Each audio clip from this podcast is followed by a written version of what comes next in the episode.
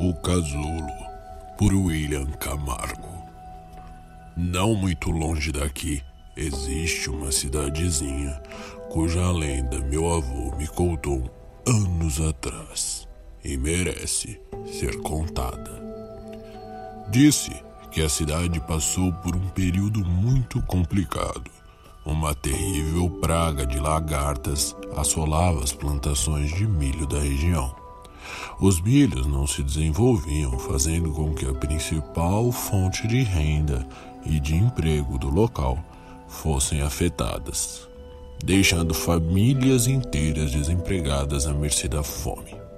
E naquele tempo pouco se podia fazer. Seus habitantes, após muitas tentativas, decidiram recorrer a um último recurso na cidade existiu por muito tempo um templo religioso que meu avô dizia ser esquisito. Não sei ao certo a que religião pertencia, nem meu avô, mas me contou que os estranhos devotos dessa religião faziam rituais estranhos em fazendas afastadas. Alguns diziam que pessoas à beira da morte foram curadas e até mesmo um cego tinha voltado a enxergar após o tratamento do local.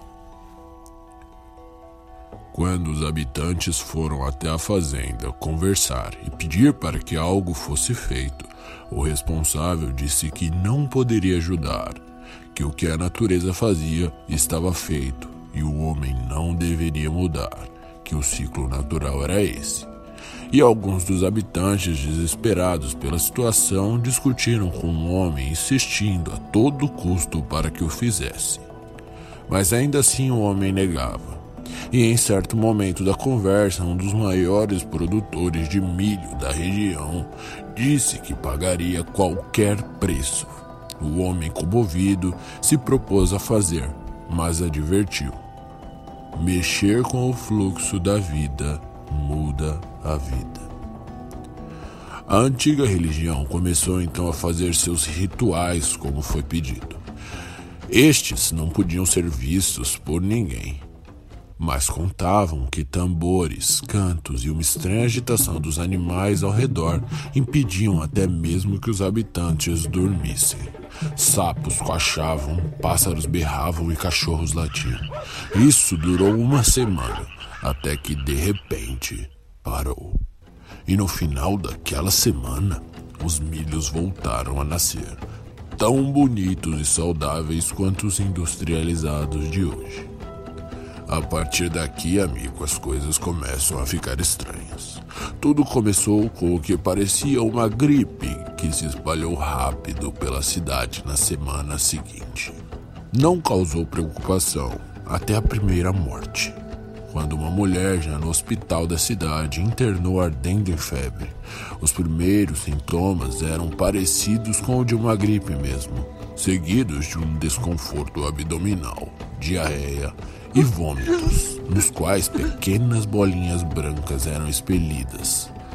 Por fim, algumas manchas pretas rodeadas de branco que pareciam pequenos olhos nas costas do doente, trazendo então a parada total dos órgãos do infortunado. Mais de 15 pessoas faleceram em menos de duas semanas.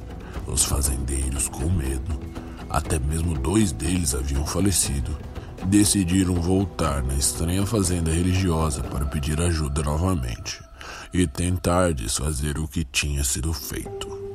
Ao chegarem, o lugar estava vazio. Todos tinham ido embora da misteriosa fazenda. O tempo passou e as mortes continuaram a acontecer, até que os poucos que sobraram se mudaram e largaram tudo. E hoje, o lugar não passa de uma grande plantação de milho, sem nenhuma alma viva. Quando passávamos de carro perto da região, eu podia ver, sobrevoando os imensos milharais, com suas asas imitando pequenos olhos de um predador, belas e majestosas mariposas.